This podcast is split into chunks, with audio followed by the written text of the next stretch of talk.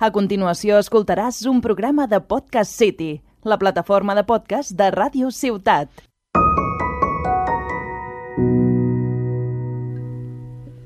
Hola, hola. Què? Ja han obert les fronteres? Atenuat les restriccions? Tant de Covid, tant de Covid. Ens morim de ganes d'anar por ahí. Fer la maleta, buscar destinació, restaurants, el menjar típic, museus, llocs per visitar... I aquí fins i tot s'apunta a veure espectacles i l'esport local. Bueno, tot. Sabeu de què parlem? Del, turisme. Quines ganes de viatjar. Prepareu-vos, aquella botelleta petita que portes a la motxilla, que te la poses perquè fa calor anant de turisme i dius, ai, mer merda, me l'he deixat, i l'acabes comprant en un restaurant més cara de lo normal, que en el millor dels casos la replenes en les fonts de les ciutats i en el pitjor dels casos l'acabes replenant als lavabos dels aeroports, aquella botelleta, doncs prepareu-vos-la, que comencem. Els piscolabis del Cultius, el podcast que et deixarà amb ganes de més.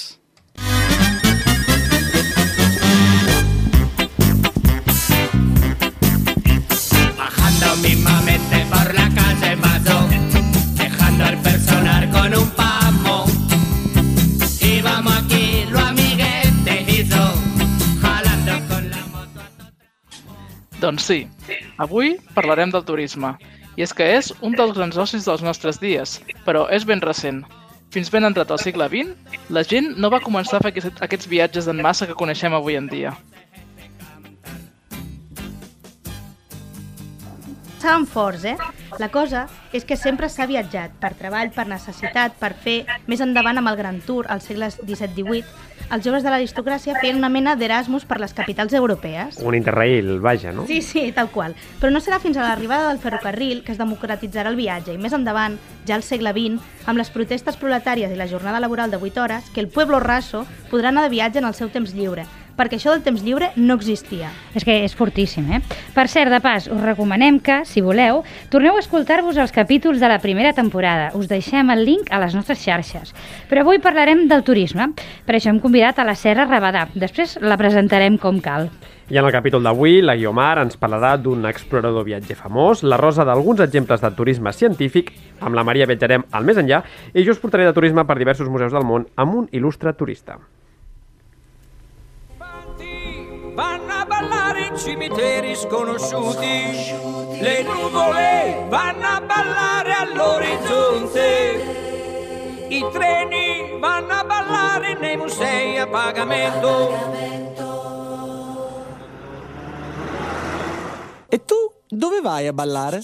Vieni a ballare in Puglia! Em fa especial il·lusió la convidada d'avui. A més, precisament ens havíem de desvirtualitzar, però finalment la tindrem per streaming. Les coses del directo.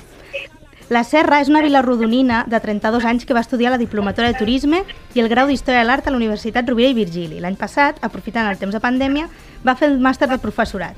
Gaudeix treballant en el patrimoni cultural. Ja fa uns quants anys que és educadora al monestir de Santes Creus i en altres monuments del Camp de Tarragona, on va conèixer també la Maria, eh, d'aquí del Cultius. I també treballa com a guia al petit celler modernista de Nulles. Com veieu, tot al costat de casa. Deu ser per aquest eh, arrelament que també forma part de la Junta del Centre d'Estudis del Gaià.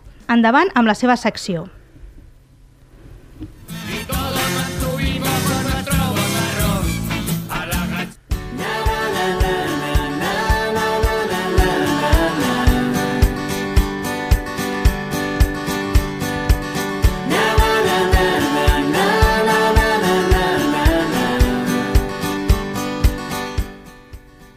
Bueno, bon vespre a tots i moltes gràcies per invitar-me. Bueno, jo sempre m'he mogut dins del món del turisme. He treballat de cambrera en un restaurant, de recepcionista en un hotel, vaig fer les pràctiques en una agència de viatges i he acabat dedicant-me a mostrar el patrimoni cultural del meu entorn, com a guia turística, educadora patrimonial, mediadora cultural o com li vulgueu dir. Per això, quan la Maria em va convidar a participar en aquest podcast, ràpid vaig dir que sí. El problema ve després. Hi ha tants àmbits, tantes perspectives, problemàtiques, diversos temes dels quals podríem parlar avui, que la veritat resulta complicat decidir-se. Però coincidim que fa pocs dies la Clara Simón ha guanyat el primer os d'or català per al Carràs. Vull aprofitar l'ocasió per reivindicar el valor de la nostra pagesia. Com a filla de pagesos, sempre he viscut l'estima a la terra.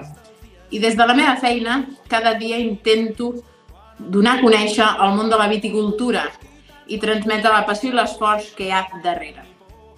Està clar que el turisme rural ha experimentat una crescuda important, però amb, la fi de les restriccions sembla que tothom tingui ganes de marxar el més lluny possible. I jo us vinc a parlar, tot just, de les opcions més properes. I que surti el sol, però aquest matí ens porta el dol perquè els avions no esperen els capritxos dels amants així com tu, així com jo. La nit se'ns havia quedat tan curta, vam ofegat en Ara que s'acosta la primavera, què tal una caminada enmig dels camps florits? Els ametllets ja fa dies que han tret flor, però els cirerers, per exemple, encara els hi queden unes setmanes. Ho sabíeu, companys?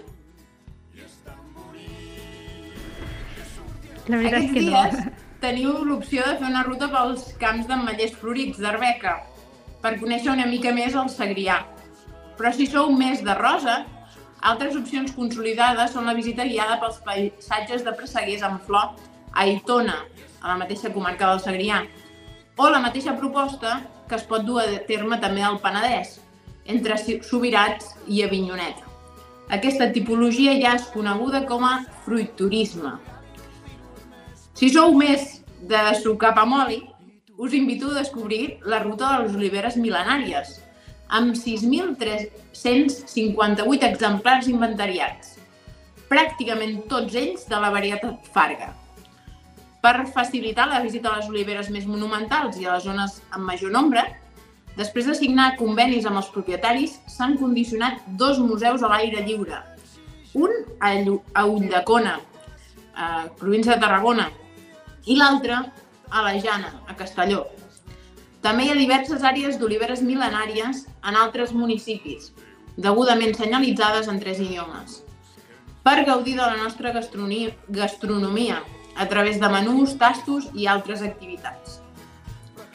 O cap a finals d'any, us podeu animar a anar fins la Conca de Barberà, a collir safrà i a realitzar un taller d'esbrinament de flors dins del Festival Safrània, on es fan presentacions de productes, maridatges, demostracions de cuina, mercat de producte de proximitat o altres activitats culturals.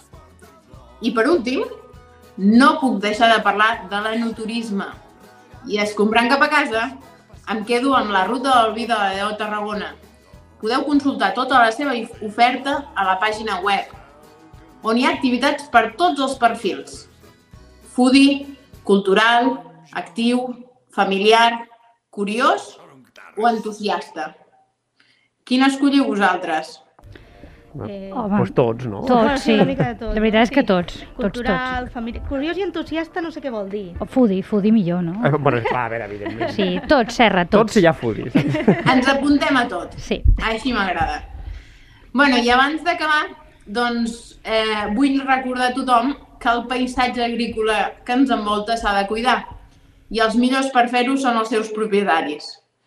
Els pagesos que cuiden els seus camps, boscos, camins...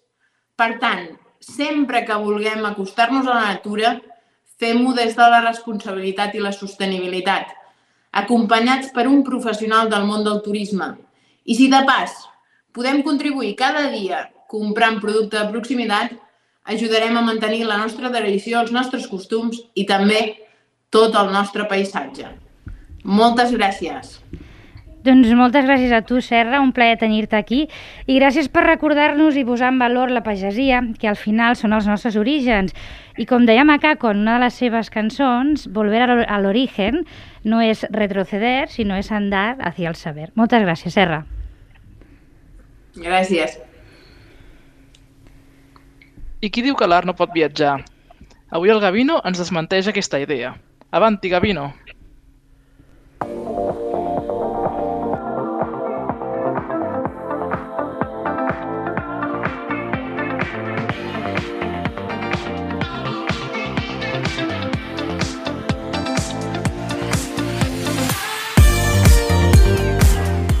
Avui marxem de turisme per diversos museus de la mà d'una pintura. És a dir, no parlarem dels museus com un pol indiscutible d'atracció turística, ni dels museus que s'han de visitar simplement pel renom que tenen, ni dels museus franquícia, ni, ni cap d'aquests eh, temes interessantíssims, per altra banda, en els que s'uneixen els museus i el turisme, com un tot, sinó que agafarem una obra i amb ella marxarem de viatge per diversos museus. És a dir, el quadre en si serà el turista que visita els museus.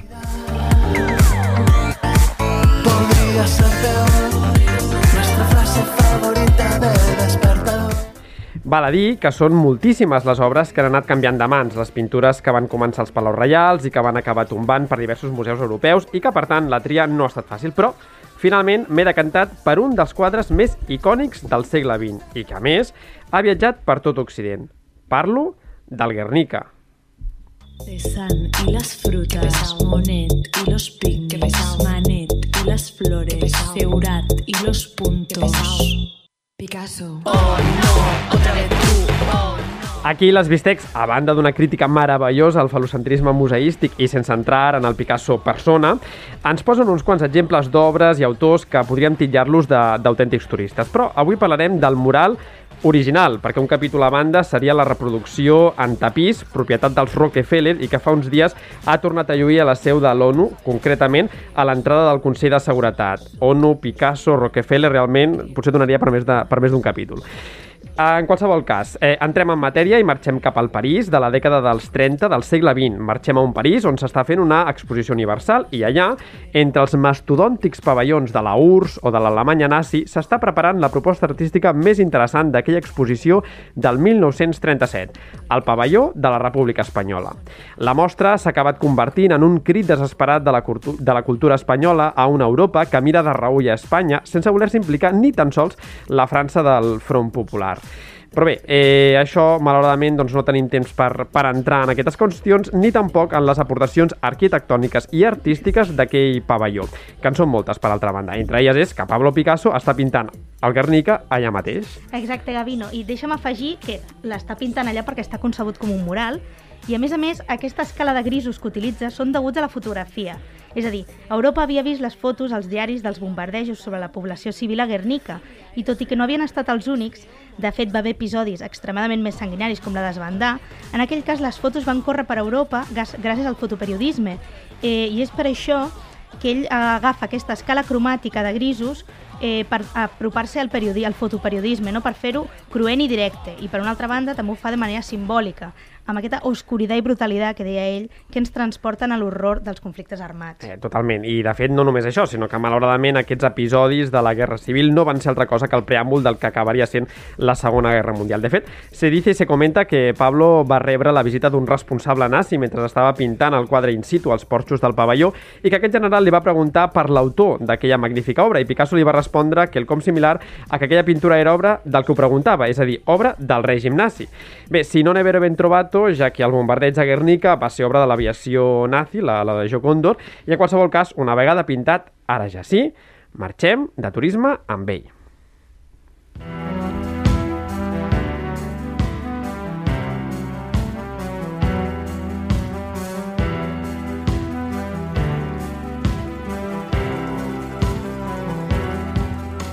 Tu che guardi verso di me, hai visto i tori nel sonno ed hai lasciato Madrid. Ja al 1938, una vegada acabada l'exposició universal, el Guernica comença una tournée, crec que mai havia utilitzat eh, tan literalment aquest mot, per Europa, acompanyat d'obres de Matisse o Break i que les va portar per museus d'Oslo, Copenhague, Estocolm i Gothenburg. Però no només, aquell mateix any va seguir el seu camí, tot viatjant al Regne Unit, on va anar per recaudar fons pel Comitè d'Ajuda a les Persones Refugiades Espanyoles. Allà va estar uns mesos tot visitant Londres, Leeds, Liverpool i Manchester.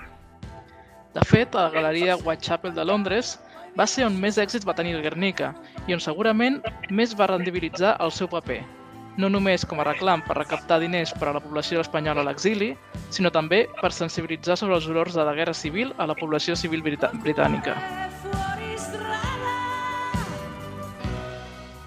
Sí, totalment. I de fet és quan ja s'acaba d'alguna manera la utilitat del propi mural, perquè s'ha perdut la guerra, eh, quan Pablo decideix acabar amb aquesta itinerància europea i que quedés custodiat al Museu d'Art Modern de Nova York, altrament dit, el MoMA, fins que es restablissin les llibertats a Espanya, ja que el quadre havia de ser propietat del govern espanyol. Però clar, el que va guanyar la guerra ja sabeu que va ser un tal Franco i, per tant, la pintura no podia entrar a Espanya fins que tornés la democràcia. Vaja, que el Guernica va pujar-se fins i tot a un transatlàntic rum a Nova York. I Gavino, suposo que una vegada ja es va instal·lar al MoMA va estar tranquil algun temps, no? Doncs la veritat és que no. Eh, el 1940 va visitar el Museu d'Art de l'Institut de Chicago. L'any següent va anar al Museu d'Art de Columbus, a Ohio, i el 1942 al Frog Art Museum de Cambridge. Vaja, que gairebé no li va donar temps de conèixer la seva casa nova nova iorquesa.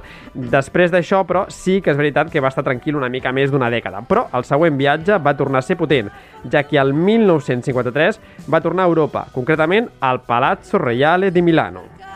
Non ritorni a Varsavia per non fare il soldato. Ora vivi in mezzo a una sfida. Després de Milano no va repetir un interrail de forma immediata per Europa, ja que va tornar a Amèrica, però del sud, i va participar a la Bienal de Sao Paulo al Brasil, el 1955. En canvi, sí que li va venir de gust fer un interrail europeu passant per diversos museus d'Alemanya, de Bèlgica, de Dinamarca i dels Països Baixos.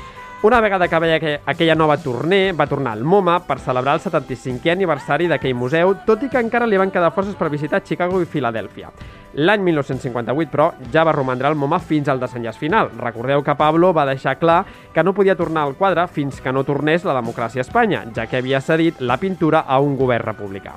Així, tot i que Franco ja ho havia intentat sense èxit més d'una vegada, no va ser fins sis anys després de la seva mort que el Guernica, de Pablo Picasso, no va fer el seu últim gran viatge, instal·lant-se, finalment, al Museu Reina Sofia de Madrid, potser el meu museu preferit, entre d'altres coses, perquè el Guernica està exposat acompanyat per gran part de les obres que l'acompanyaven ja el 1937 en aquell pavelló de la República Espanyola a l'Exposició Universal de París. Avui, amb la Guiomar, marxem a Surcar los Mares, de la mà de Zenge i les moltes sorpreses que ens aportarà aquest explorador. Amb el vent a favor, som-hi amb la teva secció, Guiomar.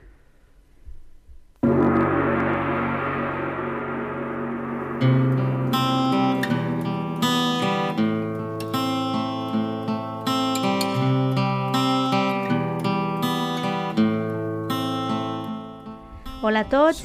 En la meva secció, bueno, primer de tot volia parlar del primer turisme eh, o del turisme al llarg de la història. El que passa és que, tal com hem dit a la intro, ja vaig parlar d'això al primer Piscolabis, el primer primeríssim capítol. També havia pensat parlar de Thomas Cook, que es diu que va ser el que va inventar l'empresa turística. El 1841 va fer el primer viatge turístic una, amb una desena de ricachones, el incenso primigeni, però no m'acabava de convèncer. També vaig pensar en Heròdot, com a primer turista, al fer el seu viatge pel Mar Egeu, Turquia, Egipte, al segle V abans de Crist. Gràcies a ell tenim molta info sobre curiositats, quotidianitat d'aquestes regions, amb una mica de fantasia en alguns casos, però bueno. Però tampoc, mm, eren tot tios europeus. Al final, volia anar a visitar una mica més història de l'est, concretament a la Xina, perquè sa després sabem quants pèls al cul tenia el senyor aristòcrata de la França al segle XII, però no sabem res d'Àsia, per exemple. Doncs això, anem a fer turisme per la història de Xina que a més a més té relació amb la meva cançó que es diu Pequín, el grup Buen Hijo, que us el recomano molt.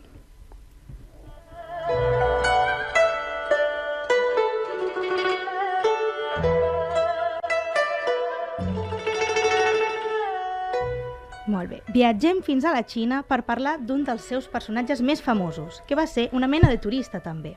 Parlo de Zheng He al segle XV.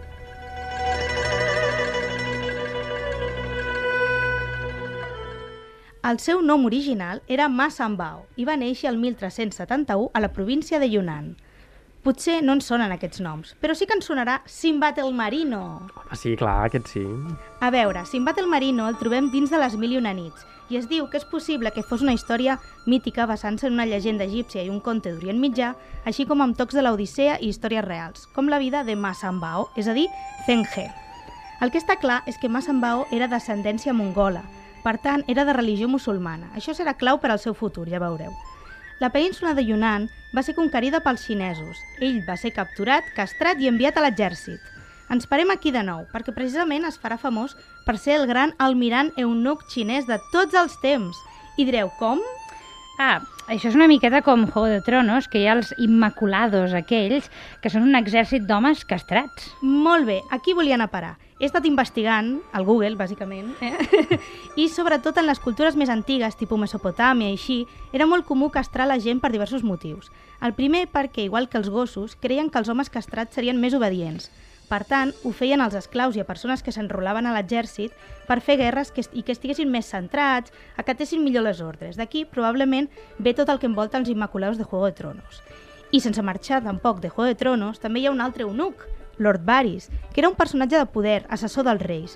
Això era perquè una de les altres funcions de la castració era per eliminar la promiscuitat i, eh, per tant, eren figures clau per tenir cura dels harems, per assegurar-se que un cop assolit un càrrec important no hi hagués un perill de descendència que reclami aquella posició. Déu-n'hi-do, tot això. Sí, sí, però molts ho feien voluntàriament, eh? era una mena d'escala de, de, social també. Però tornem a Ma Sambao. Hem dit que està a l'exèrcit xinès i aviat destacarà i es farà important dins de la cort del rei Yongle, que puja al tron al 1402.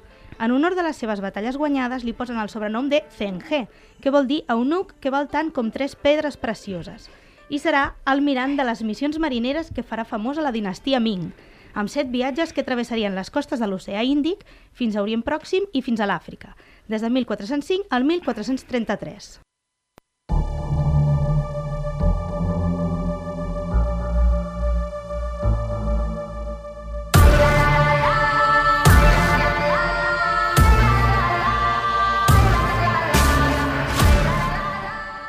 Parlem de la flota del tresor, així se li deia. Eren com 1.500 vaixells, amb unes novetats tècniques de navegació flipants, i que havien 500 persones, una bestialitat.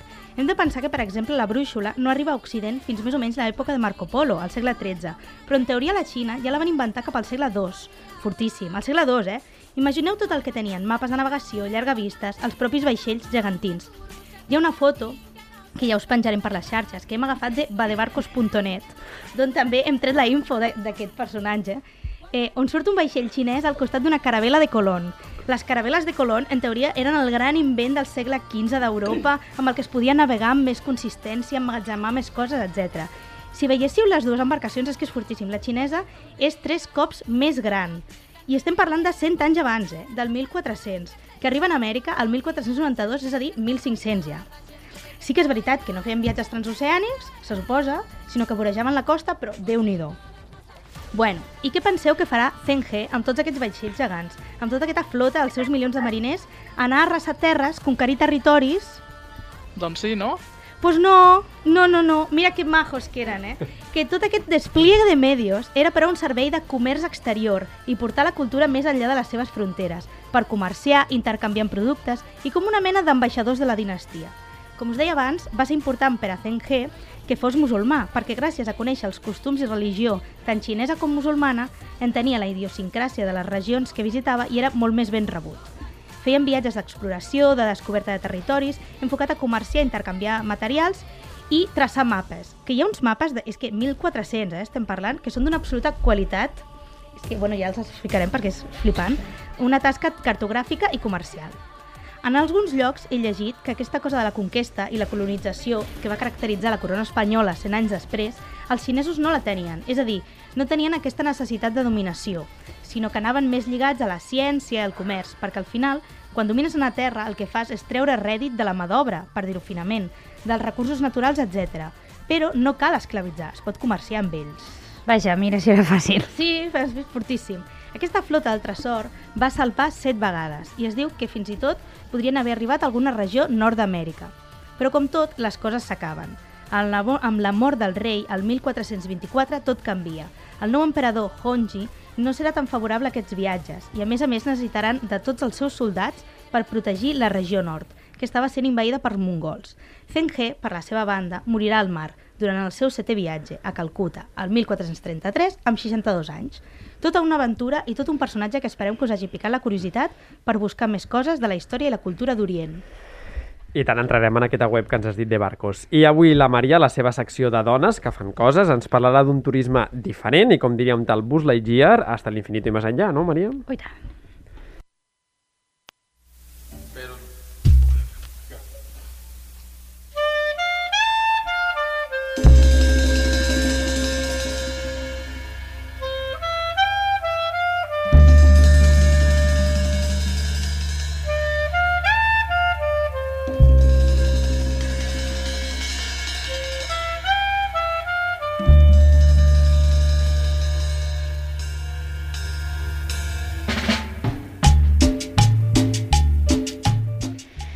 Vespre, amics i amigues del Cultius. Us heu preguntat mai què hi ha més enllà de la Terra? I més enllà del sistema solar? Com és de gran l'univers? És veritat que hi ha una batalla entre americans, xinesos i russos pel domini de la cara oculta de la Lluna? I per últim, us heu plantejat on viatjarem quan ja eh, vist tots els espais de la nostra estimada terra? Terra? Doncs potser el business va cap al turisme espacial. Qui sap si algun dia podrem viatjar de vacances a la Lluna? O fer escala en un resort a mar? O fer un creuer de luxe pel sistema solar, evidentment amb tot inclòs, clar, de pulsareta. De moment, el turisme espacial, eh, com a oci queda lluny, molt lluny, i potser millor així. Però sí que hem tingut turistes espacials, els astronautes i cosmonautes. Soc la Maria Pérez i avui, a la nostra secció de dones que fan coses, parlarem d'elles, de les dones espacials.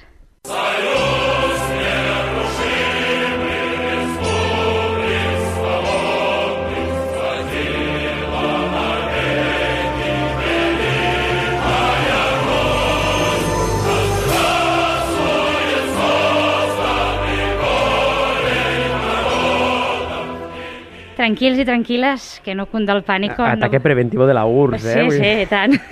No volem nosaltres posar més llenya al foc entre el conflicte de Rússia i Ucraïna, per no dir Rússia, tots els països del món que posen el nas on no els hi pertoca i fan només que agreujar la situació. Escoltem de fons una joia musical, com va ser l'himne de la URSS, i ho fem per donar pas a la nostra primera dona espacial. Bueno, bueno, i com no podia ser d'una altra manera, era soviètica, m'imagino. I tant, Guió, estem parlant de Valentina Tereshkova. En plena Guerra Freda, on els Estats Units i la Unió Soviètica litigaven per veure qui guanyava la carrera espacial, els soviètics van aconseguir dues fites que els americans mai podran atribuir-se. Yuri Gagarin era el primer home- de la història en sortir de l'espai exterior l'any 1961.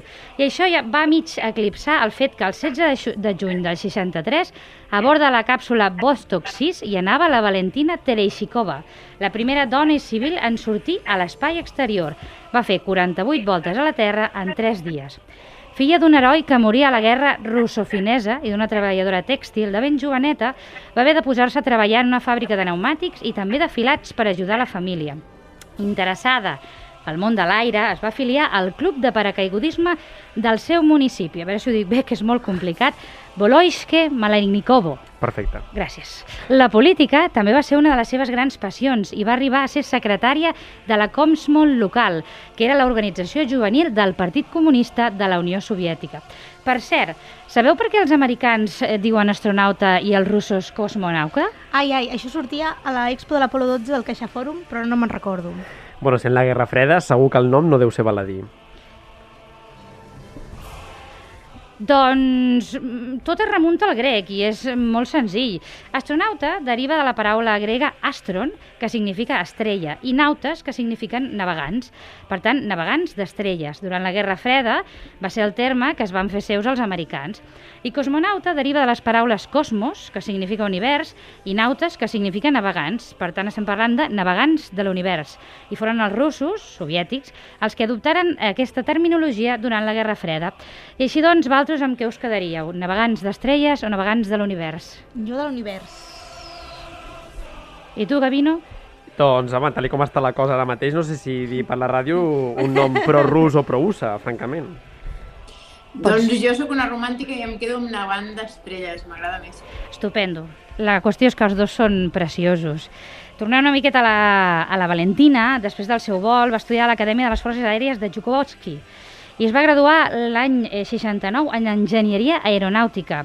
Aquell mateix any, el grup de cosmonautes femení on ella va participar, malauradament es va dissoldre, però l'any 70 va ser nomenada coronel de l'exèrcit soviètic. El 77 va rebre el doctorat en Enginyeria Aeronàutica. A causa de la seva prominència va ser escollida per diversos càrrecs polítics importantíssims, del 66 al 74 al Presídium del Soviet Suprem i del 69 al 91 va estar al Comitè Central del Partit Comunista. I finalment, al 97, ja a una edat avançada, es va retirar de les forces aèries i del cos de cosmonautes per ordre presidencial. I si ens acabes de parlar d'una cosmonauta russa, imagino que pel context històric ara tocarà una americana. Doncs deixem que la música ens guiï. Moving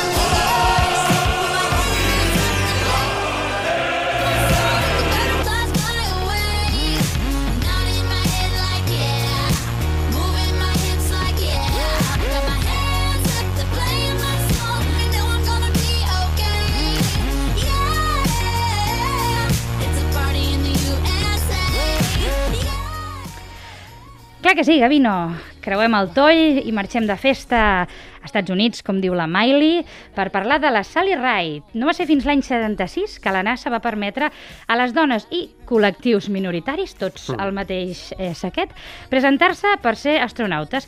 14 anys més tard que els soviètics. Entenc que pels americans aquella carrera espacial no tenia tanta importància. L'any 83, a bord del Challenger STS-7, hi anava Sally Ride, que un any abans s'havia presentat a les proves del programa espacial de la NASA. Era llicenciada en Filologia anglesa, anglesa i Física. Tenia un doctorat en Física i la seva especialitat era l'astrofísica i el desenvolupament de braços robots per transbordadors espacials.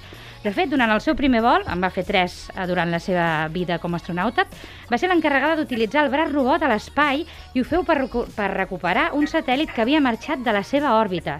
La primera dona americana en volar a l'espai exterior i la més jove de la història amb únicament 32 anys. Durant una de les seves rodes de premsa, prèvies a l'enlairament, li van fer un seguit de preguntes eh, bastant curioses. Us atreviríeu a, a veure si n'endivineu alguna? Eh, és que tal... L'època espero que no, No? sigui per on van el... per on m'imagino que van els trets. No ho sé, a veure. Que si tenia fills o si s'havia de Ah, casar...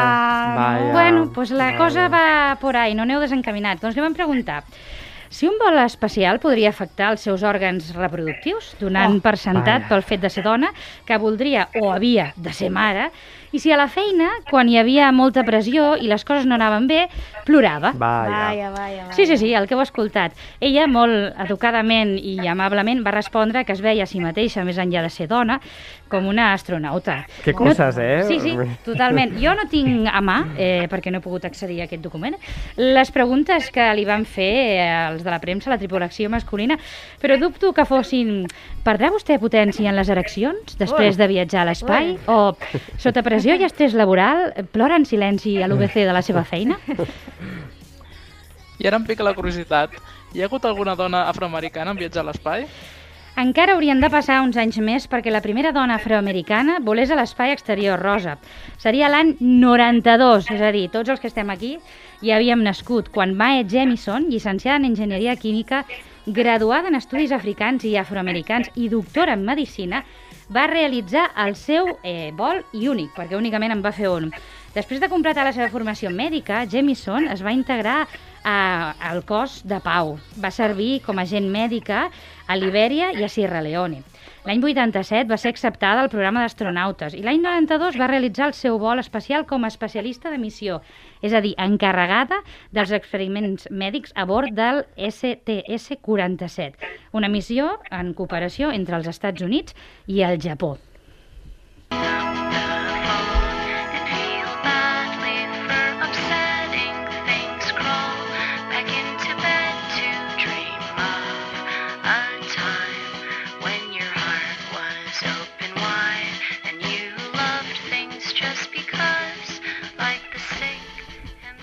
Abans d'acabar amb la meva secció, he tingut accés a varis documents i us voldria donar informació respecte al respecte, ja que m'ha sorprès bastant.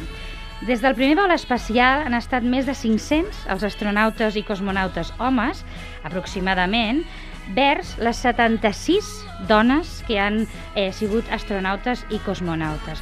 Hi ha indicis que abans de la sortida a l'espai de Yuri Gagarin es van fer diverses proves pilot que la URSS va amagar, ja que els cosmonautes que hi participaven van morir.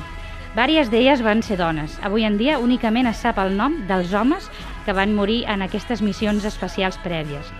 En ple segle XXI, les astronautes i cosmonautes que volen anar a l'espai exterior es veuen forçades a interrompre el seu cicle menstrual, ja que ni els tratges ni les naus estan adaptades per a aquestes necessitats. Hem portat l'home a l'espai, ha aixafat la lluna, a la lluna, però som incapaços de dissenyar un tratge i una nau perquè una dona no hagi d'interrompre un procés biològic del seu cos per poder realitzar una part de la seva feina. I així moltes altres coses més. Fortíssim. Molt fort. Molt de Yuri Gagarin, molt Neil Armstrong, però cap d'ells va haver d'esforçar-se, batallar ni sacrificar la meitat del que es van haver d'esforçar les dones que hem esmentat i les que no, que són moltes i us animem a buscar, per poder arribar a ser astronautes o cosmonautes. Dones empoderades i valentes en un ofici, o millor dit, en un món malauradament d'homes i per homes encara avui en dia.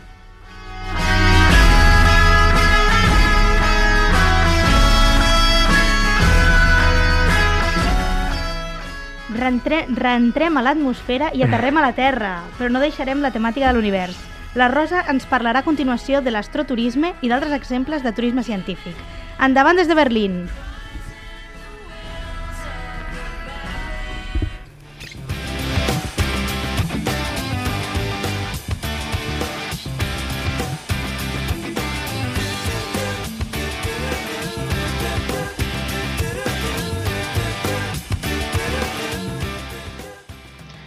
Tot i que l'era del turisme espacial encara no hagi arribat, com ens explicava la Maria en la seva secció, el que sí podem fer, i que ja fa molts milers d'anys que es fa, és observar l'univers des del nostre planeta Terra. Avui en dia ens hem professionalitzat tant que fins i tot és possible trobar agències turístiques que es dediquen exclusivament a organitzar esdeveniments de caire astronòmic. Què us semblaria un viatge a Xile per visitar l'Observatori del Paranal i gaudir del seu cel nocturn? O potser fer les maletes per poder veure un eclipse solar total? I si el tema de les estrelles no us va tant, no patiu que tenim altres ofertes. Què me'n dieu d'una excursió a Ginebra per visitar l'accelerador de partícules al Consell Europeu per a la Recerca Nuclear? O si sou, però, dels que es va l'adrenalina, llavors marxem cap a Kansas a perseguir tornados. Soc la Rosa Maria Torredemé i només us puc dir, prepareu les maletes que avui ens endinsem en el turisme científic.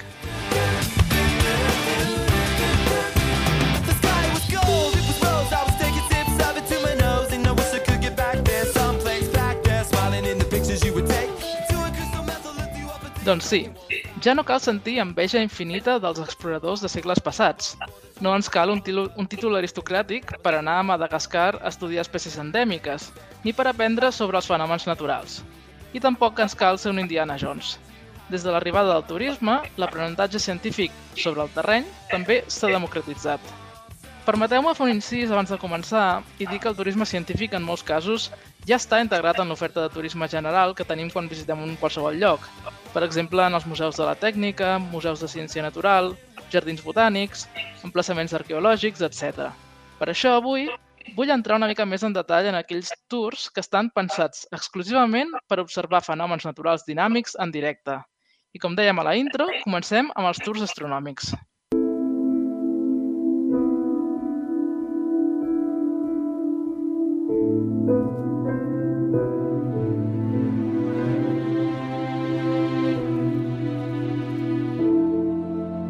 Després que la Jennifer Lawrence i en DiCaprio ens hagin recordat de nou que l'univers està en permanent moviment i que afortunadament hi ha tota una comunitat d'astrònoms i astrofísics que monitoritzen l'univers visible des de la Terra, m'agradaria que em diguéssiu què en recordeu del cometa Hale-Bopp que va ser visible l'any 1997.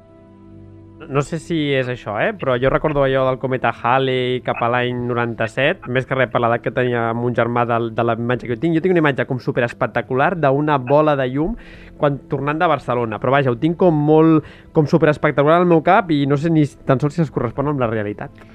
Doncs jo, mm, del cometa aquest Hale-Bopp, la veritat és que no sabia res. A mi el que em sona més és el cometa Halley. Clar, jo també pensava que parlàveu del Halley. A mi em sona que al, al, a l'escola van fer com alguna mena de d'aquells instrumentets que es fan per veure'l i tal. Em sona això, però no ho sé. Doncs el cometa Hale-Bopp es va poder observar a ull nu ni més ni menys que 18 mesos i va ser probablement un dels cometes més observats de la història documentada, especialment donada la seva brillantor, mil vegades més que el cometa Halley, que us sona a tots, que havia passat per la Terra el 1986. Doncs resulta que la presència de cometes observables no és res estrany. Cada any n'hi ha multitud. Per exemple, durant el 2021 se'n van descobrir més d'un centenar, tot i que la majoria requereixen de telescopi per ser observats.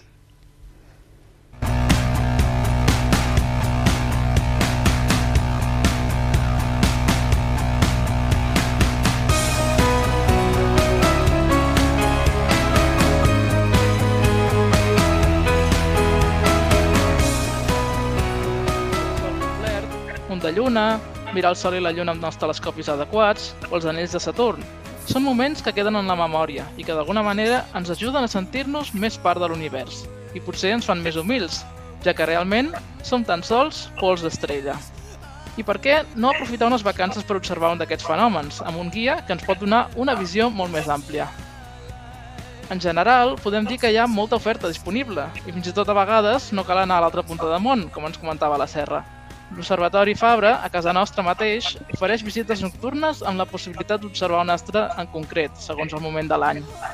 Ara bé, si voleu gaudir d'un cel sense quasi contaminació, a la vegada que visiteu un altre país, hi ha opcions a Àsia, com a Uzbekistan, Kirguistan o sud-oest dels Estats Units o Xile, per exemple. A Europa tenim els països escandinaus i Islàndia, i ja de pas podeu veure les llums del nord si hi aneu durant l'època adequada.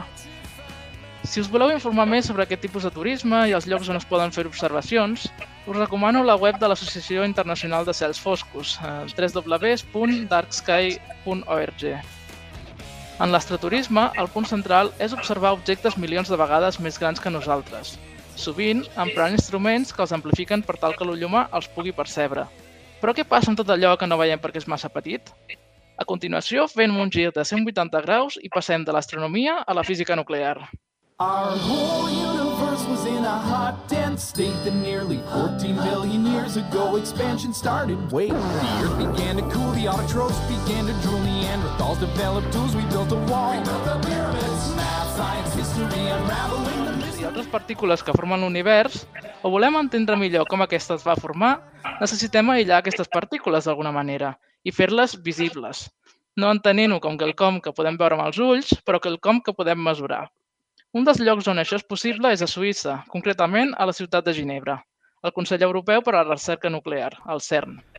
Un macrocomplex que conté diversos acceleradors de partícules on aquestes s'acceleren, mai millor dit, i es fan, eh, es fan xocar entre elles.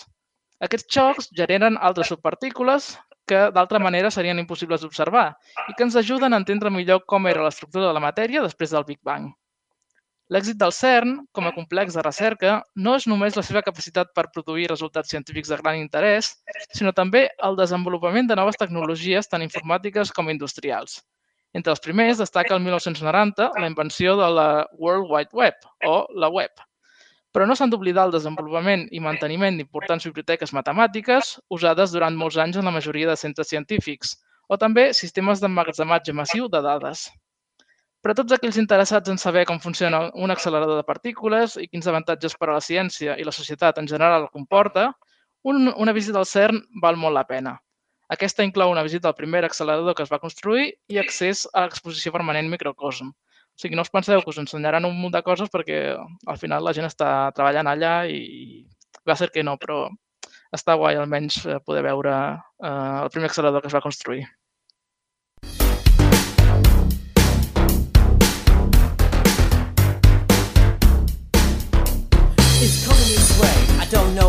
Run, but I don't care. I wanna take it head on. Don't know where to go, it's in the distance. It's forming high and low, and soon it'll touch the ground. Where are all my friends? They're hiding in their cellars, but me, I'm different. I ja per acabar, ens traslladem ara al cor dels Estats Units per reservar un tour amb els caçadors de tornados, com per exemple els que ofereix l'empresa Extreme Tornado Tours, fundada per l'estrella del Discovery Channel Show Cazatornados, Reed Timmer. Comencem parlant una mica de què inclouen aquests tours. Doncs tenim en primer lloc un meteoròleg i un equip de guies veterans, que diuen, segons diu el seu web, i l'estada en hotels o hostals segons la durada contractada del tour. I a part de la caça, també s'ofereixen visites al Centre de Predicció de Tempestes, al Twister Museum i parcs naturals, entre d'altres. Us animaríeu a fer-ne un? La veritat és que no sabria què dir-te. Crec que prefereixo veure les imatges per la tele que córrer el risc de volar com un estel a canvi d'unes dosis d'adrenalina que no sé si em, em surt a compte. Jo, la veritat, eh, anar a veure estrelles em sembla bé, anar a veure eh, un accelerador de partícules em sembla bé, però anar a veure tornados no, la veritat és que no. Home, a veure si el tour el fa la Helen Hunt i el Bill Paxton, no? els protagonistes de la pel·liculaza de Twister, doncs pues parlem-ne, no? És veritat, sí, sí.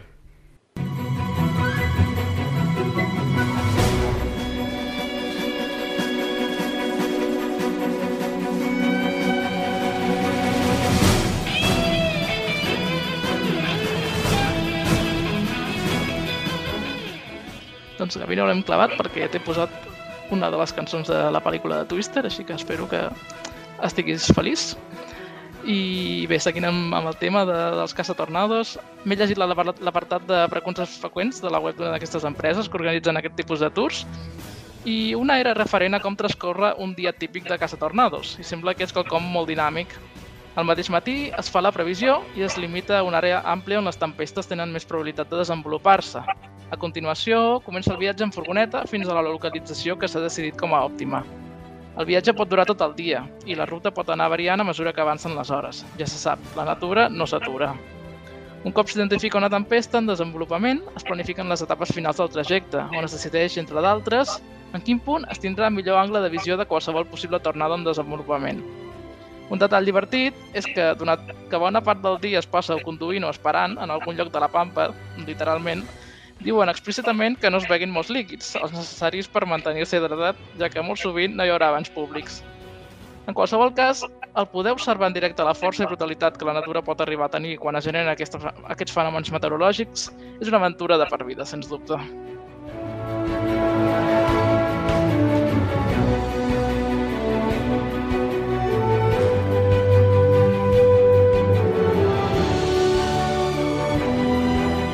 Aquí el capítol d'avui, on hem eh, pogut parlar del viatge a Guernica, les primeres dones que van anar a l'espai, de l'explorador CNG i les seves aventures. També ens hem endi- endinsat en el turisme científic i hem aprofundit en l'auge del turisme rural. Ai, jo no sé valtros, eh? però entre els dos anys pandèmics que portem i aquest episodi tan turístic m'han agafat moltíssimes ganes de viatjar. I quin us agradaria que fos el vostre proper destí turístic? Uh, jo em moro de ganes de tornar a Itàlia i si no, a passar una mica de fresquet pel Regne Unit, tipus Oxford i Birmingham. Mm, sí, sí. Bueno, jo més que el proper, un ideal seria poder rodejar tota la riba mediterrània, però vaja, a dia d'avui és una mica utopia. Doncs Gavino, jo vinc amb tu si ho fas, eh? Vinga, doncs anem. Mun- muntem-ho, ja muntem-ho. Després de llegir El Gran Mar de David Abulafia, tinc moltes ganes de visitar la costa de sud de la Mediterrània, especialment Tunísia i Marroc. El cultitrip, eh? Va, doncs mira. Pues, doncs jo, Grècia o Egipte, però en tot cas... Mira, també eh, ens trobarem, ens trobarem. Ens quedaríem al nostre estimat eh, Mare Nostrum. Volem agrair a Ràdio Ciutat de Tarragona aquest espai que ens ha cedit i en especial al Lluís, el tècnic de so, que ha dirigit la producció avui. Així com donar les gràcies a la nostra convidada, la Serra, per haver participat. Nosaltres som el Gavino, la Guiomar, la Maria i la Rosa. Som l'equip del Cultius Culturals. Ens podeu seguir a Twitter, Instagram, Facebook i al nostre blog cultiusculturals.cat. Fins la propera. Bajando